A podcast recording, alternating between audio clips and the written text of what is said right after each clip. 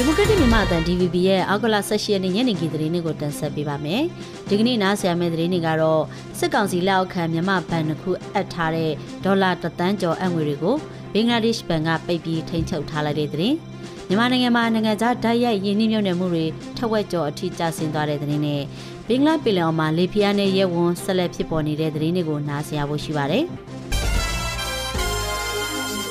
စစ်ကောင်စီလက်အောက်ခံမြန်မာနိုင်ငံသားကုန်သွယ်မှုဘဏ် MFTB နဲ့မြန်မာရင်းနှီးမြှုပ်နှံမှုနဲ့ကုသန်းရောင်းဝယ်ရေးဘဏ် MICB တို့ရဲ့ဘဏ်အကောင့်တွေကိုဘင်္ဂလားဒေ့ရှ်ဆိုနာလီဘဏ်ကထိန်းချုပ်ထားလိုက်တယ်လို့ဘင်္ဂလားဒေ့ရှ်သတင်းတွေအရသိရပါဗျ။ MFTB ဘဏ်နဲ့ MICB ဘဏ်တွေကိုအမေရိကန်ကပြီးခဲ့တဲ့ဇွန်လတုန်းကပိတ်ဆို့တန်ခတ်အရေးယူထားတာဖြစ်ပြီးအခုလည်းဘင်္ဂလားဒေ့ရှ်နိုင်ငံသားဝင်ကြီးဌာနထံကိုအမေရိကန်ရဲ့တောင်းဆိုချက်အရမြန်မာဘဏ်တစ်ခုရဲ့အကောင့်တွေနဲ့ငွေပေးငွေယူလုပ်ငန်းလည်ပတ်မှုတွေကိုထိန်းချုပ်ထားလိုက်တာဖြစ်ပါတယ်။ MFTB ဘဏ်ဟာဆိုနာလီဘဏ်မှာအငွေအမေရိကန်ဒေါ်လာ3သိန်းထားရှိပြီး MICB ဘဏ်ကဒေါ်လာ3သန်းရှိထားပါတယ်။ဆိုနာလီဘန်ကလည်း MFTB မှာဒေါ်လာ18000နဲ့ MICB မှာကန်ဒေါ်လာ2သိန်းအငွေရှိထားကြောင်းဒါကာ Tribute သတင်းအရသိရပါတယ်။ နေဆက်ချင်းထိစပ်နေတဲ့ဘင်္ဂလားဒေ့ရှ်နဲ့မြန်မာနိုင်ငံကြားကုန်သွယ်ရေးနဲ့ငွေပေးငွေယူကိစ္စတွေကိုဆိုနာလီဘန်အကောင့်ကနေတဆင့်လုပ်နေတာဖြစ်ပါတယ်။လက်ရှိမှာ MFTB ဘဏ်နဲ့ MICB တို့ရဲ့ဘဏ်အကောင့်တွေထုတ်ယူလို့မရလွှဲပြောင်းလို့မရဖြစ်နေတယ်လို့လည်းမြန်မာကုန်သည်တွေကပြောပါတယ်။ဒါပေမဲ့အခုလိုမြန်မာဘဏ်တစ်ခုကိုအရေးယူလိုက်တာကြောင့်ဘင်္ဂလားဒေ့ရှ်မြန်မာကုန်သွယ်မှုကတော့မရက်တက်နိုင်ဘူးလို့နေဆက်ကုန်သည်တွေကပြောပါတယ်။ 2023-2024ဘဏ္ဍာနှစ်ပထမလေးလဖြစ်တဲ့ဧပြီလ1ရက်နေ့ကနေဇွန်လ30ရက်နေ့အတွင်းမြန်မာနိုင်ငံရဲ့နိုင်ငံခြားဓာတ်ရိုက်ရင်းနှီးမြှုပ်နှံမှု FDR ကအမေရိကန်ဒေါ်လာ468တန်းသာရှိပြီးအရင်ဘဏ္ဍာနှစ်အလားတူကာလနဲ့နိုင်ရှင်ကြည့်ရင်61ရာခိုင်နှုန်းထိလျော့ကျသွားတယ်လို့မြန်မာနိုင်ငံရင်းနှီးမြှုပ်နှံမှုနဲ့ကုမ္ပဏီများညွှန်ကြားရေးမှူးဦးစီးဌာန DICA ရဲ့အချက်လက်တွေရသိရပါတယ်။ မြန်မာနိုင်ငံကို FDI အဝင်ရောက်မှုဟာပြီးခဲ့တဲ့နှစ်အလားတူကာလမှာအမေရိကန်ဒေါ်လာ1.2ဘီလီယံရှိခဲ့တာဖြစ်ပါတယ်။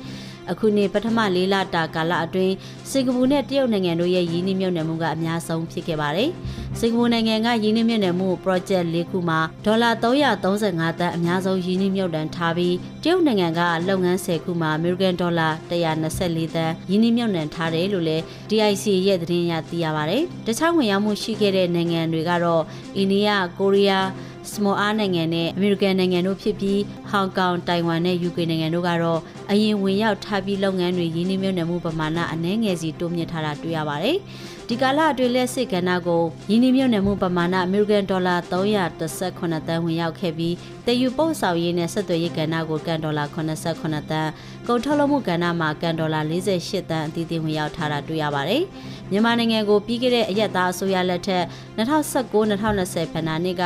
နိုင်ငံခြားရင်းနှီးမြှုပ်နှံမှုပမာဏ4.8ဘီလီယံအထိဝင်ရောက်ခဲ့ပါတယ်။ စစ်ကောင်စီစတင်တာဝန်ယူခဲ့တဲ့2020-21ဘဏ္ဍာနှစ်မှာတော့အမေရိကန်ဒေါ်လာ3.9ဘီလီယံဝင်ရောက်ခဲ့ပြီး22ရာခိုင်နှုန်းလျော့ကျခဲ့ပါတယ်။2021-2022ဂျာကာလာ project 6လမှာကန်ဒေါ်လာတန်း640ကျော်ပြီးခဲ့တဲ့2022-2023ဘဏ္ဍာနှစ်မှာအမေရိကန်ဒေါ်လာ1.643ညံဘီလီယံရှိခဲ့ပြီးတစ်နှစ်ထက်တစ်နှစ်တိတိတသားလျော့နေကျဆင်းလာပါတယ်။ဘင်္ဂလားပင်လယ်အော်အနောက်မြောက်ပိုင်းမှာဖြစ်ပေါ်နေတဲ့ လီဘီယာနယ်ရဲဝတ်ဆက်လက်တည်ရှိနေတယ်လို့မိုးလေဝသနဲ့ဆလဗီတာဌာနကအောက်ကလ18ရက်နေ့မနက်မှာထုတ်ပြန်ပါတယ်။အဆိုပါလီဘီယာနယ်ရဲဝန်းဟာအနောက်အနောက်မြောက်ဘက်ကိုရွေ့လျားနိုင်ပြီးနောက်48နာရီအတွင်းအိန္ဒိယနိုင်ငံအော်ရတပြည်နယ်မြောက်ပိုင်းနဲ့ချက်တကန်ပြည်နယ်မြောက်ပိုင်းတို့ကိုဖျက်ကျော်ဝင်ရောက်နိုင်တယ်လို့ခန့်မှန်းထားပါတယ်။ဒါအပြင်ဘင်္ဂလားပင်လယ်ပြင်နဲ့ဘင်္ဂလားပင်လယ်အော်တောင်ပိုင်းတို့မှာမော့တုံလေအသင့်တင်ရှိနေပြီး ကြံဘင်္ဂလားပင်လောင်မှာတော့မုတ်တုံလေအားအသင့်တင်ကနေအားကောင်းနိုင်တယ်လို့လည်းဆိုပါတယ်။မြဝကျွန်းမော်ရခိုင်ကမ်းရိုးတန်းတစ်လျှောက်နဲ့ကမ်းလွန်ပြည်လယ်တို့မှာ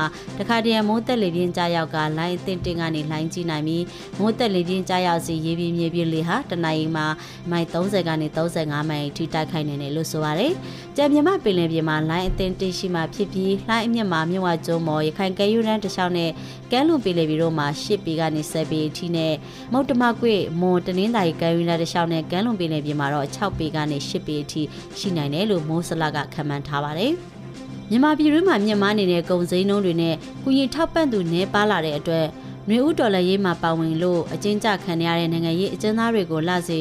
ထောင်ဝင်စာပို့ပေးနေတဲ့ထောင်ဝင်စာပေးဖို့ကြမဲ့အဖွဲ့အနေနဲ့ဆက်လက်ရက်တည်ဖို့အခက်အခဲရှိလာတယ်လို့ဖွဲ့တာဝန်ရှိသူကပြောပါရယ်အရင်ကအလူငွေအင်အားကောင်းချိန်မှာနိုင်ငံရေးအကျဉ်းသားတယောက်ကိုကျပ်3000ခွဲအထိထောက်ပံ့နိုင်ခဲ့ရကနေအခုအလူငွေရရှိမှုခက်ခဲတာကြောင့်တယောက်ကိုကျပ်2000နှုန်းသာထောက်ပံ့ပေးနိုင်ပြီးမြို့နယ်ကအကျဉ်းထောင်တွေတစ်လက်ရန်ကုန်ကအကျဉ်းထောင်တွေကိုတစ်လက်စီထောက်ပံ့နေရတဲ့အခြေအနေဖြစ်တယ်လို့ဆိုပါတယ်။အင်းစိန်ထောင်၊အိုးဘိုထောင်၊ပဲခူးထောင်